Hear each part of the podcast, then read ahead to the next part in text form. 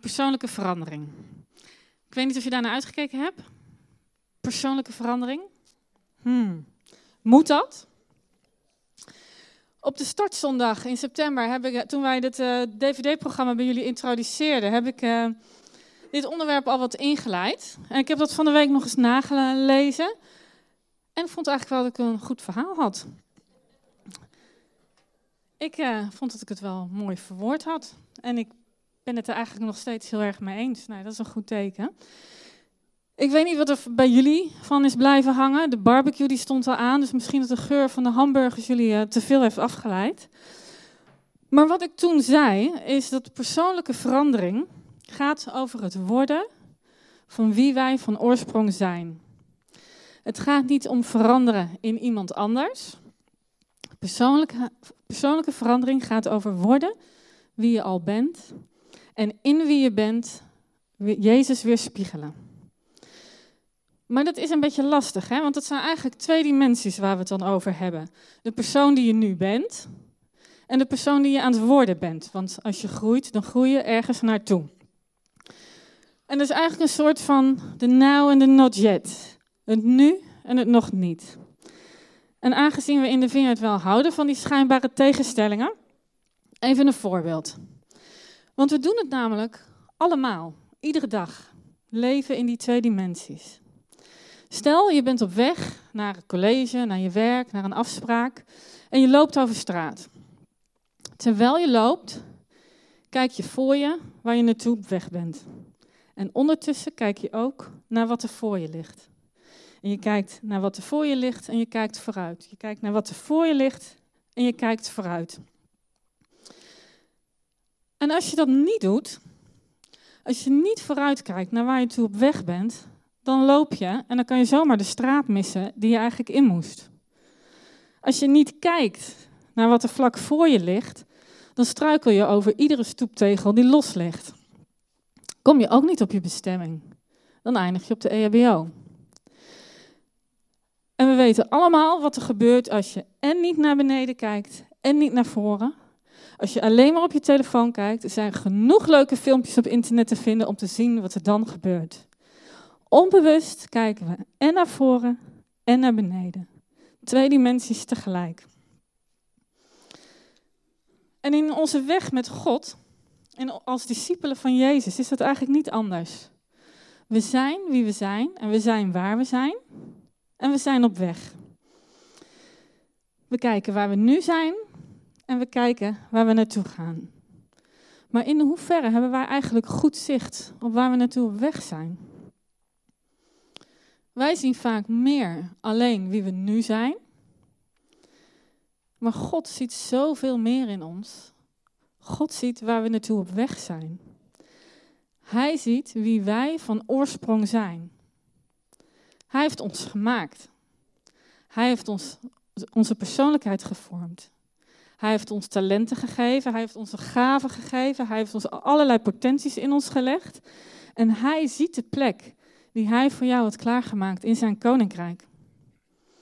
Hij ziet wie je bent en hij ziet waar je naartoe op weg bent. Hij ziet de plek waar jij tot bloei komt. Hij ziet de plek waar jij echt op je plek bent. Hij ziet waartoe hij jou gemaakt heeft. Hij ziet waar hij je toe geroepen heeft. En hij ziet dat zo ontzettend veel scherper dan wij dat zien. Hij ziet veel meer. God gelooft in jou. God die is blijven geloven. In die bestemming, in die, in die persoon die jij van oorsprong bent. Want leven met Jezus en wandelen met Hem en naar Hem luisteren en Hem gehoorzamen, gaat niet alleen maar over ons geloof in Jezus. Het gaat ook over het geloof van Jezus in ons. En Hij gelooft in ons. Dus persoonlijke verandering, moet dat? Nee, moet niet. Niet als je niet wil. Maar ik denk, wanneer je met Jezus leeft, wanneer je naar Hem luistert, wanneer je Hem gehoorzaam bent, wanneer je doet wat Hij van je vraagt, dan is het eigenlijk een onvermijdelijk gevolg. Het gebeurt. Paulus zegt daar het volgende over in 2 Korinthe 3, vers 18. Wij allen die met een onbedekt gezicht de luister van de Heer aanschouwen, zullen meer en meer door de geest van de Heer naar de luister van dat beeld worden, worden veranderd. We zullen veranderen. Dat doet de Heilige Geest. Hoe meer je naar Jezus kijkt, hoe meer we op hem gaan lijken. Hoe meer we zijn luister aanschouwen,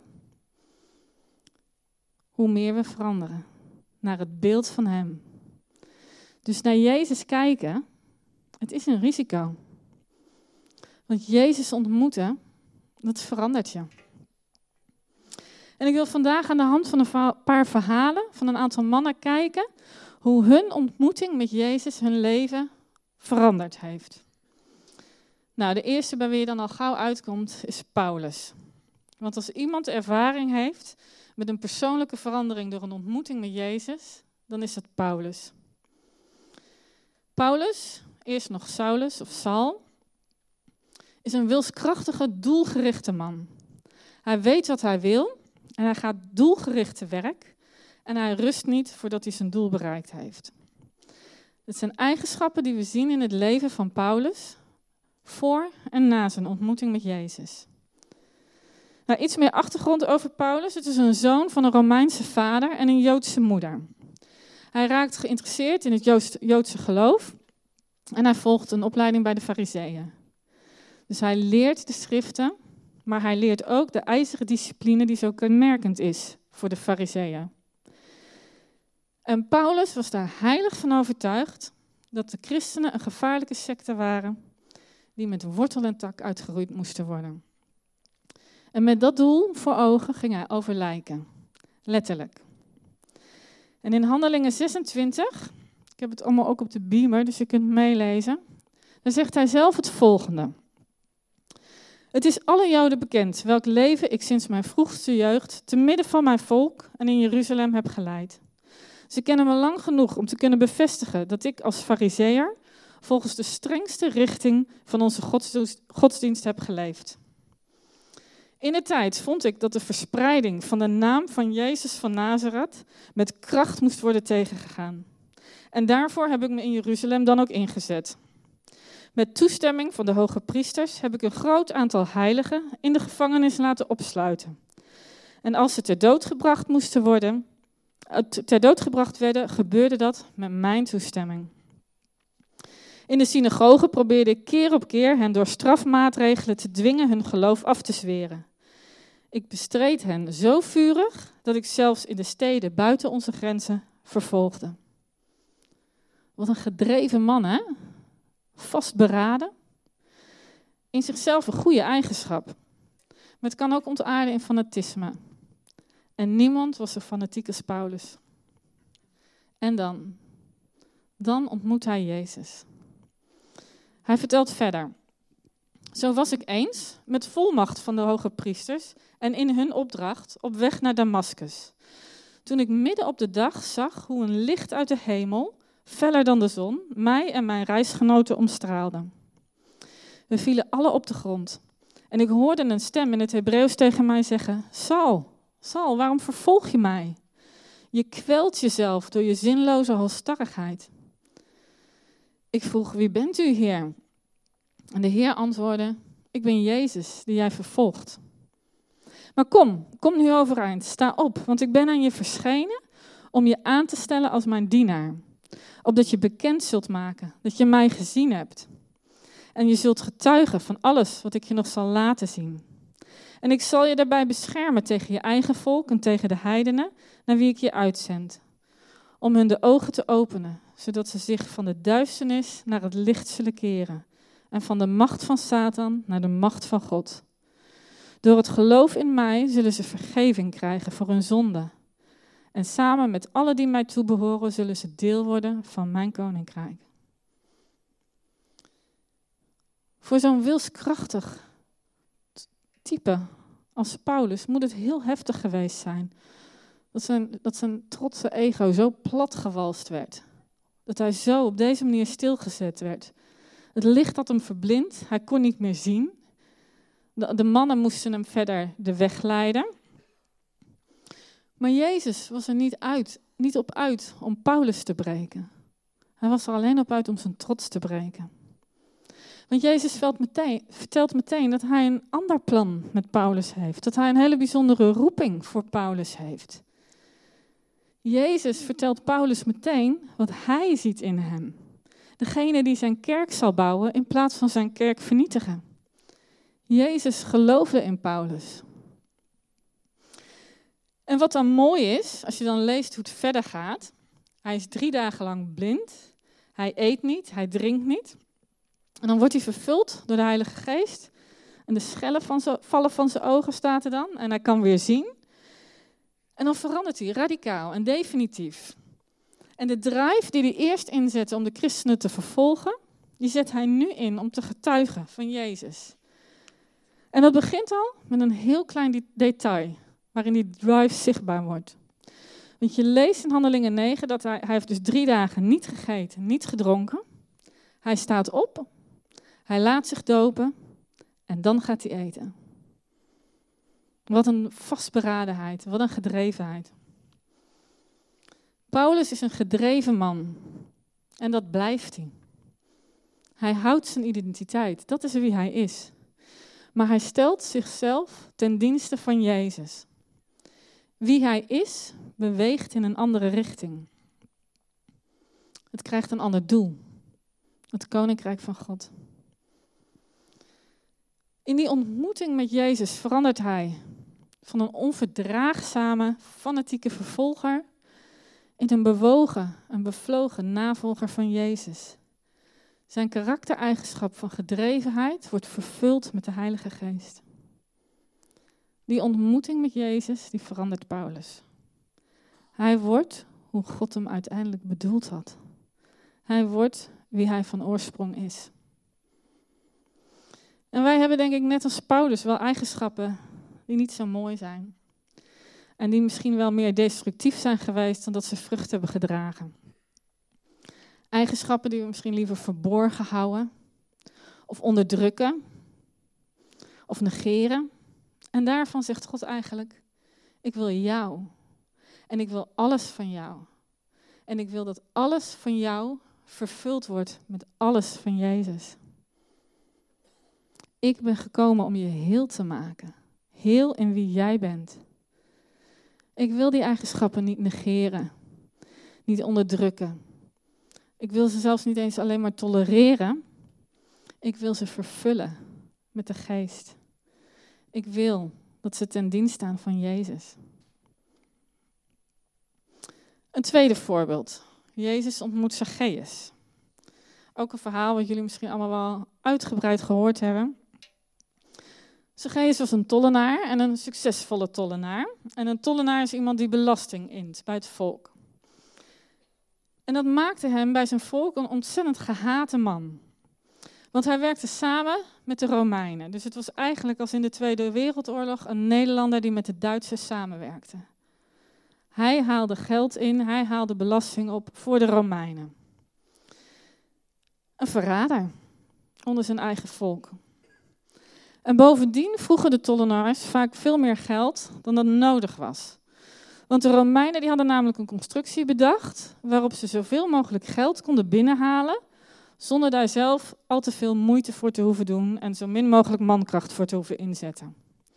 Dus wat ze deden, een percentage van het geld dat de belasting, uh, de tollenaar inde, een percentage daarvan dat mocht hij zelf houden. Dus hoe meer hij binnenhaalde, hoe meer hij zelf mocht houden. En Zacchaeus was daar kennelijk goed in, want er staat geschreven dat hij een rijk man was. Hij had het trucje, goed door. Maar toen had hij gehoord dat Jezus naar, naar eh, Jericho kwam. En kennelijk had Zacchaeus toch al wel wat over hem gehoord en hij wilde weten wie die man nou eigenlijk was. Hij was nieuwsgierig, denk ik. Ik weet niet precies wat hem bewogen heeft, maar hij is wel op weg gegaan. En hij deed nogal wat moeite om Jezus te kunnen zien. Zijn verhaal staat in Lucas 19, vanaf vers 2. Er was daar een man die Zacchaeus heette, een rijke hoofdtollenaar. Hij wilde Jezus zien om te weten te komen wat voor iemand het was. Maar het lukte hem niet vanwege de menigte, want hij was klein van stuk. Daarom liep hij snel vooruit en klom in een vijgenboom om Jezus te kunnen zien wanneer hij voorbij kwam. Nou, dat moet je even voorstellen, want dat moet best wel een beetje een raar gezicht geweest zijn. Een hoofdtollenaar, hè, de chef belastingdienst. Toch wel een man, uh, in ieder geval met geld. Dus hij moet mooie kleren aangehad hebben, lijkt mij zo. En nu zijn dat de mannen in pak, denk ik. Die klimt in een boom. Die klimt in een boom om naar Jezus te kunnen kijken. En hij denkt dat hij daar goed verscholen zit. Maar dat is niet zo, want Jezus loopt langs en hij ziet hem meteen. Toen Jezus daar langskwam, keek hij naar boven en zei: Zacchaeus, kom vlug naar beneden, want vandaag moet ik in jouw huis verblijven. Zacchaeus kwam meteen naar beneden en ontving Jezus vol vreugde bij zich thuis. En allen die dit zagen, zeiden morrend tegen elkaar: Hij is het huis van een zondig mens binnengegaan om onderdak te vinden voor de nacht. En om te begrijpen wat hier gebeurt, moet je bedenken dat het huis van een zondaar binnengaan van een publiek zondig mens, wat, wat Zacchaeus was. Want men wist dat hij zijn volk verraadde. Men wist dat hij meer geld van hen vroeg dan nodig was. Voor een Jood om het huis van een zondaar, van een zondig mens binnen te gaan, betekende dat het hem onrein maakte. Jezus stapt hier als het ware onreinheid binnen. Iets wat hem zou kunnen besmetten. Maar Jezus is niet zomaar een Jood.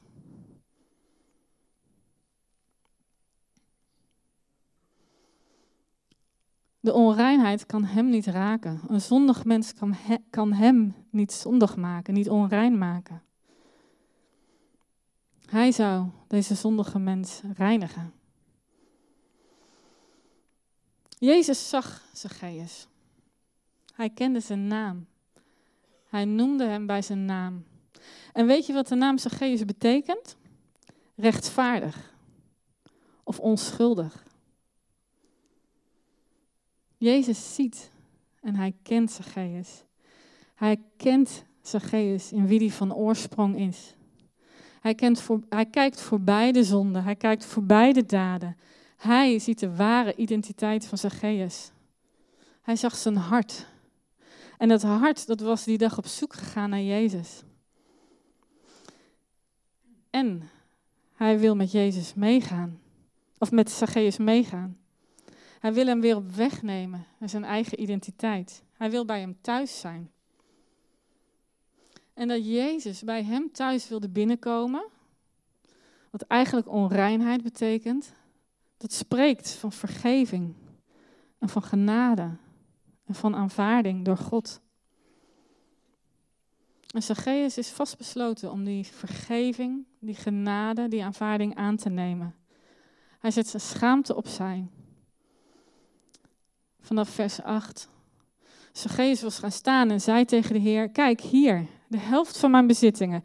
Ik geef het aan de armen. En als ik iemand iets heb afgeperst, vergoed ik het viervoudig.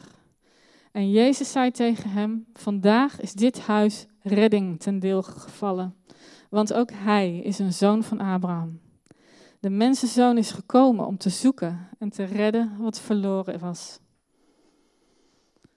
Zacchaeus had wel door dat Jezus binnenlaten in zijn huis, dat dat zou betekenen dat er iets zou gaan veranderen. En hij had nee kunnen zeggen toen Jezus vroeg of zei dat hij met hem mee wilde. Maar voor Zacchaeus was het geen moeilijke beslissing. Jezus biedt hem hier iets aan wat voor Zacchaeus veel meer waard is dan geld. Redding, verbondenheid, aanvaarding. Hij had zijn rijkdom te danken aan het uitbuiten van zijn eigen volk. En vasthouden aan die rijkdom zou betekenen dat hij Jezus los zou moeten laten. Door zijn ontmoeting met Jezus wordt Zacchaeus verrader van zijn volk, zondig mens, weer deel van zijn volk. En Jezus zegt, ook hij is een zoon van Abraham. Hij haalt hem weer het volk binnen. Zacchaeus was een man die bij hem hoorde. Jezus zag wie Zacchaeus ten diepste was. wie hij van oorsprong was, wie hij altijd was geweest, maar die die verloren was geraakt. Wat een vrijheid. Wat een vrijheid. Hij ontdekte opnieuw wie hij was en daardoor kon hij loslaten wie hij geworden was. Zacchaeus wordt hier wie hij van oorsprong is. Wat een ervaringen, hè? Jezus komt daar waar hij binnengelaten wordt. En wie wij zijn, dat vult hij met zijn geest. En zo weerspiegelen wie hij is. Hij verbindt ons met hem en met elkaar. Hij maakt ons weer deel van onze identiteit. Hij zet recht wat scheef is gegroeid, wat uit balans is geraakt. En hij, hij herstelt wat we verloren zijn geraakt. En zo worden we wie we van oorsprong zijn, wie we werkelijk zijn. En de Bijbel die staat vol met verhalen over mensen die Jezus ontmoeten en waarna hun leven echt veranderd is. Maar het is niet iets wat alleen maar in de Bijbel gebeurde. Het zijn niet alleen maar de verhalen uit de Bijbel. Jezus wil ons nog steeds ontmoeten. Jezus is nog steeds hier en nu aanwezig om ons te ontmoeten. En ons terug te roepen naar onze identiteit, naar wie we van oorsprong zijn. Ik weet niet, ken je zulke ontmoetingen? Soms is het echt één hele duidelijke ontmoeting. Soms is het meer iets wat langzaamaan tot je doordringt. André is ook iemand die zo'n ontmoeting met Jezus heeft gehad.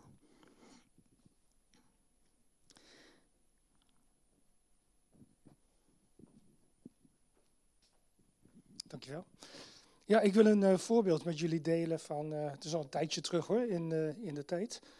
wij woonden in Wijk Beduurstede, wonen nog steeds. En wij, Sarida en ik, hadden daar een, een, rol in het leidersteam.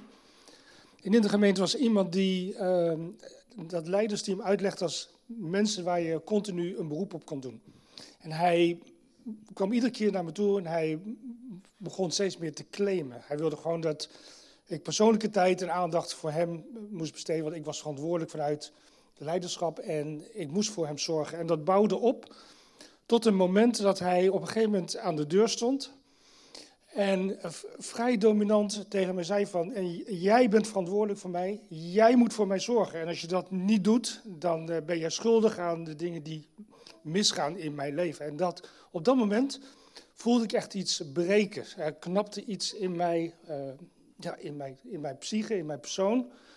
Uh, en dat deed pijn. Dat deed gewoon heel erg pijn. En ik verloor daarmee een stuk van mijn persoonlijke identiteit. Iemand was regelmatig over een grens gegaan.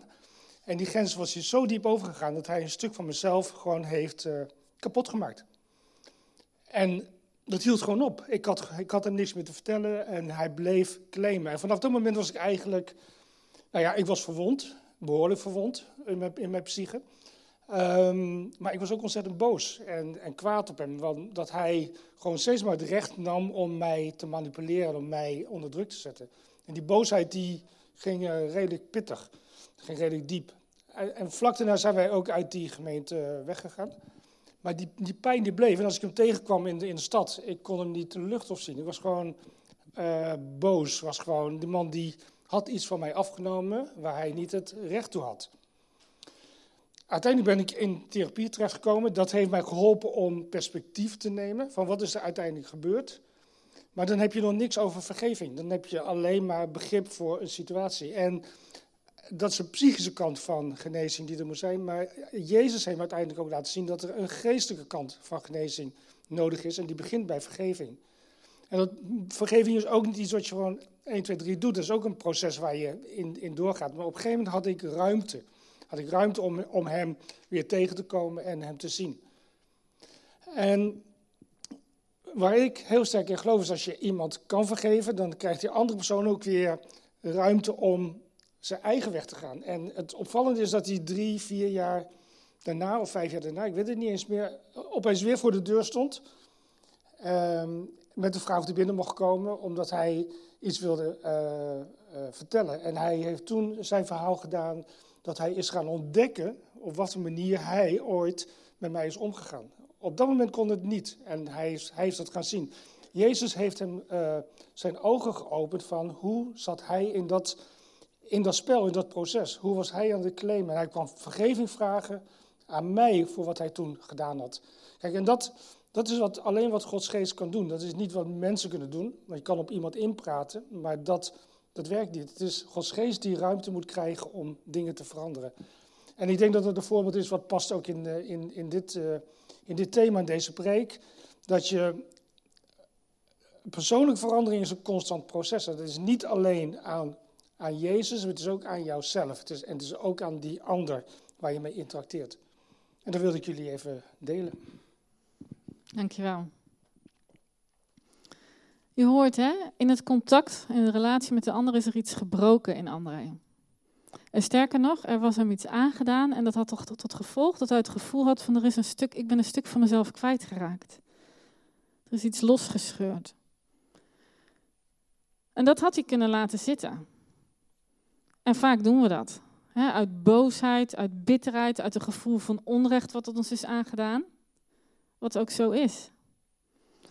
Maar omdat André met Jezus wil leven en wil luisteren naar wat Jezus over zijn situatie te zeggen heeft, hem wil volgen, hoe moeilijk dat ook is, ook in de dingen die pijn doen. Daarmee zette André eigenlijk als het ware net als Zacchaeus de deur open en liet hij Jezus binnen. De deur van zijn hart. En was Jezus in staat tot hem te spreken in eerste instantie. En om de wonden in zijn hart te genezen. Om André weer op zijn benen te staan. Om weer terug te krijgen wat hij verloren was geraakt. Wat Jezus zag, is wie André van oorsprong is en hoe dat beschadigd was geraakt. En wat hij kwijtgeraakt was in deze ervaring.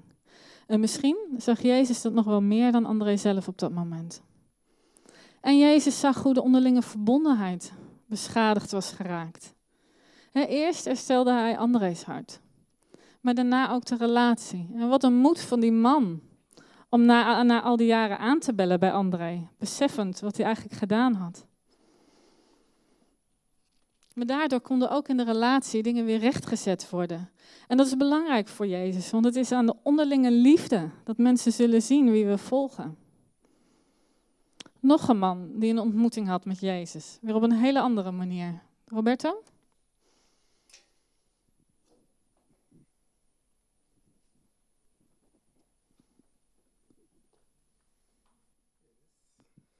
Dank je.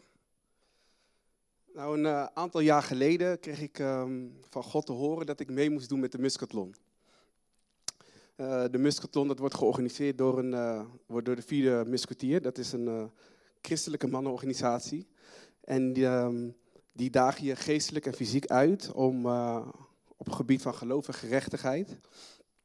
En um, ja, ik was daarvoor geroepen. Ze doen tegenwoordig ook iets voor vrouwen. Uh, nou goed, ik heb me dus drie jaar lang heb ik me laten beheersen door angst. Ik wist dat ik moest gaan. Die tekenen waren heel duidelijk. Ik heb ook elke keer om bevestiging gevraagd en die kreeg ik echt van willekeurige personen. Maar ja, toch vond ik het moeilijk. Dus ik bleef vragen en ik bleef ook krijgen. Dus dat maakte het nog lastiger. En toen ging ik smoesjes verzinnen. Ja, ik, hè, ik was koppig was ongehoorzaam. En ja, goed, je zult je misschien afvragen, waar was je nou bang voor dan? Nou, ik was bang om vaarwel te zeggen tegen de persoon die ik op dat moment was. Um, ik was bang voor verandering. Um, ik was bang voor um, wat zou er met mij gebeuren en uh, ben ik niet goed als hoe ik, gewoon hoe, hoe ik op dat moment was. En ja, goed, ik moet dan op pad gaan met allemaal wildvreemde mannen elke dag aanbidding, uh, luisteren naar preken, uh, stilte tijd. Dat zat allemaal een beetje in mijn allergiezone, dacht ik. Nou, uiteindelijk heb ik besloten om toch te gaan. Ik had een applaus verwacht. Dank je. Dat was ook uh, mede door het aandringen van mijn lieftallige vrouw. En voordat ik ging, uh, liet ik uh, in de kerk voor me bidden door onder andere Norman en Bram. En um, ja, er werd gezegd dat ik me als een vis in het water zou voelen als ik daar zou zijn. Daarnaast kreeg ik ook nog iets anders en dat was, eh, ik ga het even oplezen. Ik zat in een hele stoere snelle auto en ik reed op een snelweg waar je heel hard kon rijden, maar dat deed ik niet. Ik was alleen maar aan het genieten van het uitzicht, heb geen gebruik gemaakt van de snelheid van de auto. De auto heb ik zelfs gebruikt om boodschappen te doen. Op dat moment, inderdaad, wist ik dus totaal niet wat ik daarmee moest, tot ik terugkwam uit Oeganda. Nou, dat, uh, kom ik, daar kom ik zo op terug. Op het moment dat ik in het vliegtuig zat, toen begonnen die angsten weer uh, binnen te komen. En ik kreeg weer uh, bepaalde gedachten binnen. En ik dacht van, oh, ik ben, zit nu al in het vliegtuig, maar... Maar goed, toen ik in, toen ik in Oeganda aankwam, toen gebeurde er echt iets fantastisch. Ik kwam daar, ik weet nog, ik stapte uit de bus. En ik zag het hotel, en ik zag de omgeving. En op een gegeven moment stond ik stil. En toen zei Jezus letterlijk tegen mij: hey, wat, wat fijn dat je er eindelijk bent. Welkom. Wij gaan tien dagen gaan we samen de wandeling maken, jij en ik samen. En jij mag door mijn ogen kijken. Nou, vanaf dat moment kan ik je vertellen, waren al mijn angsten waren weg. Alle gedachten, alles waar ik um, op dat moment of daarvoor last van heb gehad, was weg. Ik heb er ook nooit meer aan teruggedacht. Tot nu. en uh, ja, ik was, ik was daar met ruim uh, eh, 100 man. En eigenlijk voelde ik me ook nog een beetje egoïstisch, omdat ik, eh, ik was eventjes ook alleen met hem. En uh, ik heb, het, was echt een fantastische tijd die ik daar heb meegemaakt met hem. Een tijd vol liefde, vol gezelligheid, maar ook een tijd vol openbaringen. En aan het einde van de week dan uh, kwamen we als groep bij elkaar en dan mocht iedereen een gebeurtenis vertellen, een getuigenis geven. Of tenminste iedereen, wie wou, mocht gaan.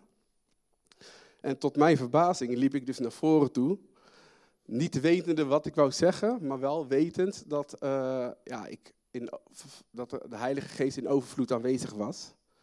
Dus toen zei ik tegen de groep hardop, er wordt mij altijd gevraagd, uh, waarom ben je nou zo vrolijk, of kijk je zo vrolijk, of doe je zo vrolijk? Iets in die trant.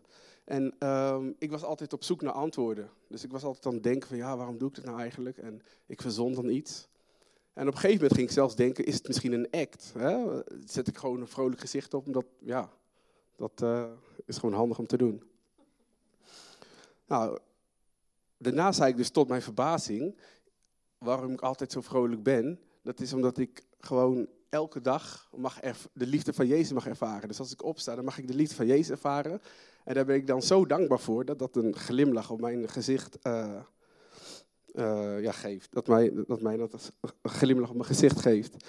Dus um, vanaf dat moment was het voor mij ook ineens duidelijk van, oh, wacht even, dat is nou de reden waarom ik altijd zo vrolijk ben. Dat was voor mij ook een moment dat ik realiseerde van, oh, zo heb ik helemaal niet naar gekeken. Ik was altijd op zoek naar antwoorden en in ene was hij daar. Um, ja, en vanaf toen wist ik ook dat, uh, goed, er zijn geen trucjes voor nodig om de liefde van Jezus uit te stralen.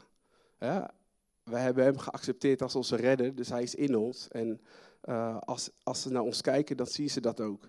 En je hoeft daar niet moeilijk voor te doen. Wat ik ook bijzonder vond, is dat um, sommige van mijn groepsleden, want we waren in bepaalde, we gingen in groepjes, gingen we overal naartoe, die zeiden tegen Renske van, oh, um, wat fijn dat we hem van je hebben mogen lenen. ik dacht, oh, dat is best apart. En toen later dacht ik, volgens mij hebben zij gewoon gemerkt en gezien wat Jezus met mij gedaan heeft die tijd en daarvan genoten. En uh, ja, goed, uh, wat een geduld heeft God met mij gehad. Want ik heb al die keren, ik heb echt drie jaar lang heb ik nee gezegd en ben ik heel koppig geweest. En dan word ik uiteindelijk toch zo beloond. Nou, kan je je een betere vader voorstellen? Ik niet namelijk. En dan nog even snel terugkomen op de bemoediging. Iets met een snelle auto. Hè. Ik reed op de snelweg, hard rijden, mooi uitzicht. Nou goed, mijn auto, dat was Jezus, uiteraard. En uh, ik had onwijs genoten van de dingen die hij mij daar heeft laten zien. Het uitzicht. Snelheid, dat heb ik niet nodig, want ik moet me gewoon laten leiden door hem. Hij bepaalt de tijd. En boodschappen, dat is helpen van anderen door middel van zijn liefde. Dus als je een glimlach op mijn gezicht ziet, dan weet je dat hij niet alleen voor mij is. Dankjewel.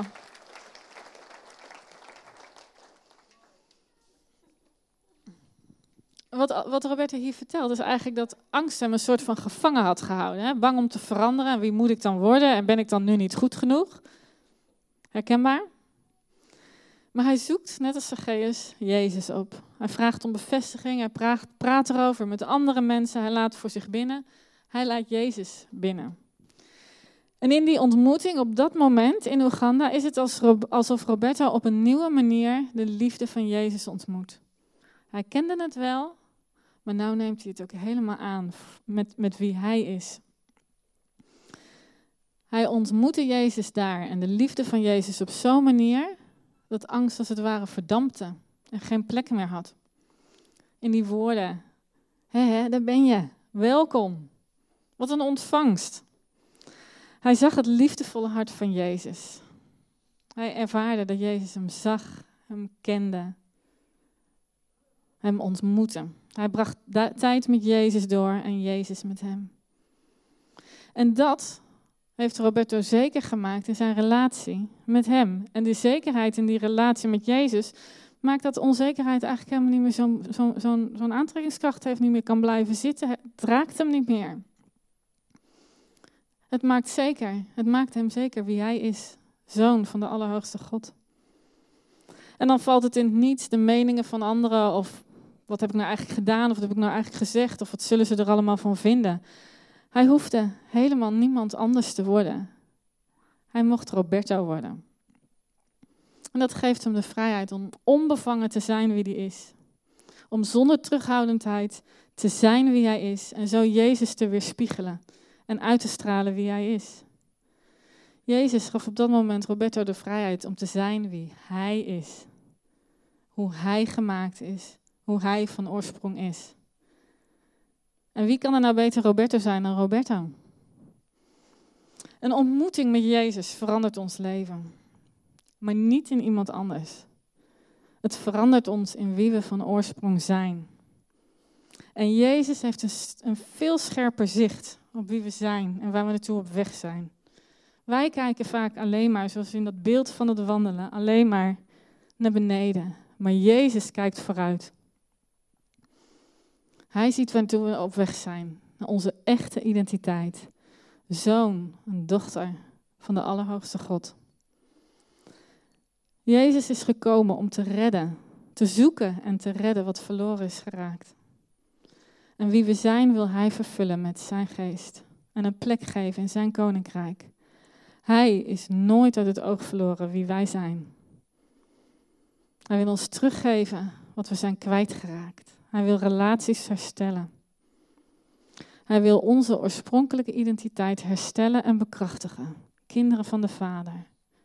En dat is wat Hij altijd, altijd in ons blijft zien. Zullen we gaan staan?